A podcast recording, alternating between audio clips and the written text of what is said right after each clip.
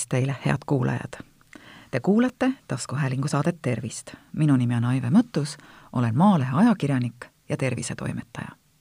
tänases saates räägin kahest haigusest, millest eriti ei soovita rääkida, sest piinlik on. hemorroididest ehk pärasoole lõpposa ja päraku piirkonna veenilaienditest ja rektumi prolapsist ehk pärasoole allavaest saates on mul virtuaalselt oma kirjutiste ja antud intervjuude kaudu külas Ida-Tallinna Keskhaigla üldkirurg Airi Tark. kõigepealt siis hemorroidid. arvatakse, et see tülikas ja diskreetne mure on vähestel, kuid tegelikult on hemorroididega hädas olnud iga teine üle kolmekümneaastane inimene.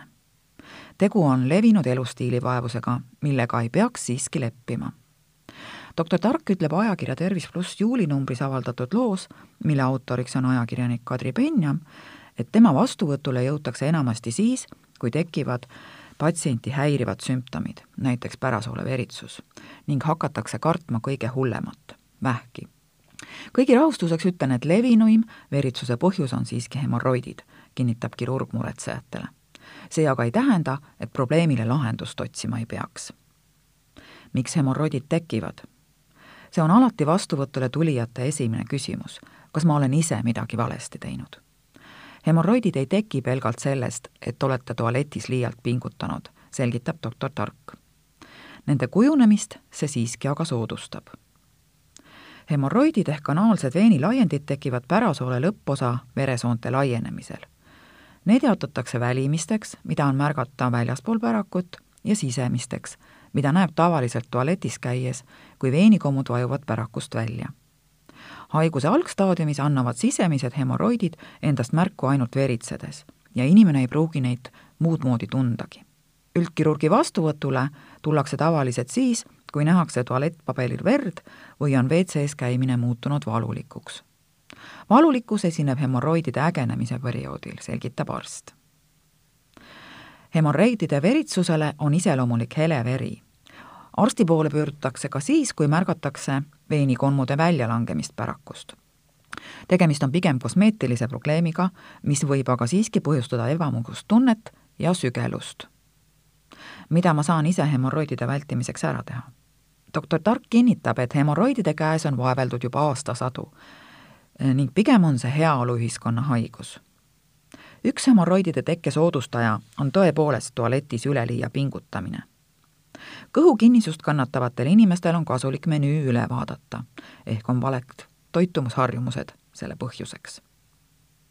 hemorroidide tekkele aitavad kaasa ka ülekaal, vähene kehaline aktiivsus, tänapäeva kurja juur, istuv eluviis lisaks ei tasu kunagi jätta tualetti minekut viimasele hetkele või siis käia WC-s kiirustades kindlasti ei saa keegi anda garantiid, et kui käituda nii või naa, siis jäävad hemorroidid tulemata. kuid vähemalt omalt poolt olete teinud kõik nende vältimiseks. tihtipeale on hemorroidide tõttu vaja muuta oma elustiili. ka pärast nende eemaldamist tuleb elada nii, et need mingi aja pärast uuesti ei ilmuks on ka erandeid, mil hemorroidid võivad tekkida ootamatult. Need on näiteks rasedusaegsed hemorroidid, mille korral on suurenenud emakas avaldanud survet vaagnapõhja veenidele ja hormonaalsete muutuste tagajärjel on kujunenud kõhukinnisus, mis põhjustab hemorroidide teket. rasedatele lubatud kõhulahtisite valik on aga piiratud. leevenduseks on kehalise aktiivsuse kasvatamine, piisav vedeliku tarbimine ning lahtistava toimega toitude osakaalu suurendamine kuidas hemorroididest vabaneda. üldkirurgi kinnitusel ei ole kahjuks võimalik juba tekkinud hemorroidide vastu salvide või küünaldega võidelda. ka ei tasu oodata, et nad ise ära kaovad. hemorroididega tuleks tulla kirurgi vastuvõtule, kus olukord vaadatakse üle ning otsustatakse, mida edasi teha põletiku korral aitavad ravimid hemorroidide põhjustatud turset ja valu leevendada. kergendust toovad ka istevannid ja oluline on puhtuse hoidmine, rõhutab doktor Tark. diagnoosimine ehk milliseid uuringuid võidakse teha ja miks. välimised hemorroidid on nähtavad päraku ümber olevate veenilaienditena. sisemiste hemorroidide uurimiseks ja samal ajal teiste samasugusi vaevusi põhjustavate haiguste väljalülitamiseks katsutakse pärasoolt sõrmega ja vaadatakse pärasoole peegliga või ka jämesoole sondiga ehk kolonoskoobiga. umbes kolmandik hemoroididega kimpus olevatest inimestest vajab kirurgilist sekkumist. näiteks on see asjakohane juhul, kui päraku ümber on tekkinud tumelillad väga valulikud komud, millest moodustuvad vahel trombuseeruvad veenikomud Need võivad veritseda ja sügeleda ning muutuda ravimata jätmisel mädakogumikeks. Pärast tromboseerunud veenikobu avamist eemaldatakse tromb võimalikult kiiresti, tavaliselt mõne päeva jooksul. väikesed ilma valuta veenikomud võivad aga salviga määrimisel kaduda ise umbes nädalaga. see, kas hemoroidide vastu võideldakse kirurgiliselt või siis mitte kirurgiliselt on tavaliselt arsti ja patsiendi ühine otsus, lähtudes sellest, millised on inimese töö ja operatsioonijärgsed ootused. Loomulikult mängivad rolli ka hemoroidide seisukord ning sümptomide esinemise sagedus. mittekirurgilistest meetoditest on levinumaid kummiligatuuride ehk kummipaelte pealepanek veenikomudele ja skleroteraapia, mida saab kasutada esimese ja teise staadiumi hemoroidide korral, vahel harva ka kolmandas staadiumis. Kolmanda ja neljanda staadiumi hemoroidide korral, kui sisemised hemoroidid langevad pärakust välja ja neid peab ise tagasi lükkama või on need kogu aeg väljas, kasutatakse enamasti avatud lõikust, mille puhul eemaldatakse veenikomu kas elektrinoaga või siis muu koomutusmeetodiga, tutvustab doktor Tark.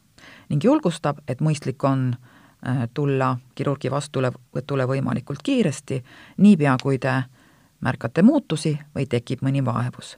Mida kiiremini te tulete, seda rutem probleemist vabanete.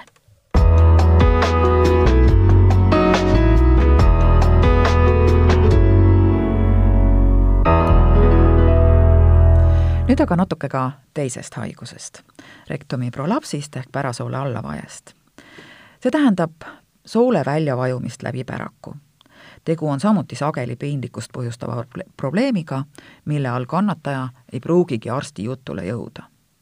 Selle seisundi põhjuseks on eelkõige nende sidemete lõtvumine või kadumine, mis hoiavad pärasoolt oma õiges asendis. haigust esineb enam vanematel inimestel, ehk siis nendel, kellel eluaastaid üle viiekümne ning eelkõige naistel. hinnanguliselt kuus korda sagedamini kui meestel tihtipeale tunneb patsient valehäbi ja ka haigus ise põhjustab elukvaliteedi langust. pärasoole prolapsi võimalust suurendavateks riskideks on pikaajaline kõhukinnisus, jällegi, tüsistunud sünnitus, näiteks vaakumsünnitus, suured hemoroidid või varasemad vaagnapõhja operatsioonid. ja mida siis äh, pärasoole prolapsiga haige tunneb ja kaebab? no kõigepealt valu roojamisel, lima- ja vereeritust võib esineda ka roojapidamatus või siis roojamistungi kadumine. enam ei saa aru, millal kõht peaks läbi käima.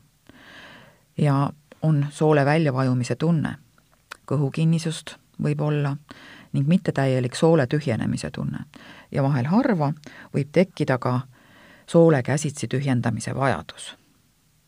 rektomi prolapsi ravi jaotatakse kaheks, konservatiivne ja kirurgiline konservatiivse ravi põhimõte on kõhukinnisuse vältimine ravimite või toiduga ning sellega valu ja pressimise vajaduse vähendamine kõhu läbikäimisel, selgitab doktor Tark. Välja tulnud sooleosa füüsiline sisselükkamine vähendab veritsuse ja pitsumise riski. üha olulisemaks peetakse ka vaagnapõhja harjutuste, niinimetatud Keegeli harjutuste osakaalu ravis kirurgilise ravi eesmärgiks on pärasoole taaskinnitamine tema algsesse asendisse, sakrumile, mis on luuline osa vaagnast. operatsiooni võib teha nii kõhu kaudu, seda kasutatakse tavaliselt noorematel patsientidel, kui ka lahkliha kaudu. See meetod on siis enam levinud vanematel ja kõrgema riskiga haigetel osalise allavaja ehk ainult pärasoole limaskesta väljalangemisel on doktor Targa kinnitusel lihtne ja efektiivne meetod Stapler resektsioon see tähendab, et kirurg kasutab operatsiooni käigus spetsiaalset instrumenti, staplerit, mis eemaldab liigse limaskesta ja kinnitab uuesti alles jäänud limaskesta soolde. doktor Targa hinnangul ei pöördu inimesed enamasti pärasoole prolapsiga perearsti poole, aga veel harvem lähevad nad üldkirurgi vastuvõtule. ja põhjuseks on eelkõige teadmatus, et sellele haigusele on ravi olemas ning samuti ka piinliku probleemi häbenemine samas ei ole valehäbiks põhjust ning ka sellele seisundile on täiesti adekvaatne lahendus olemas, paneb kirurg südamele. head kuulajad, te kuulasite taskuhäälingu saadet Tervist. saate leiate Delfi podcastide pesast tasku, nutirakenduste Spotify, Apple Podcasts, SoundCloud ja teised. hakake jälgijaks ja kuulake just teile sobival ajal ettepanekuid teemade kohta, mida saates käsitleda, ootan e-posti teel aadressil tervist.maaleht.ee. minu nimi on Aive Mõttus, olen Maalehe ajakirjanik ja tervisetoimetaja. tervist teile!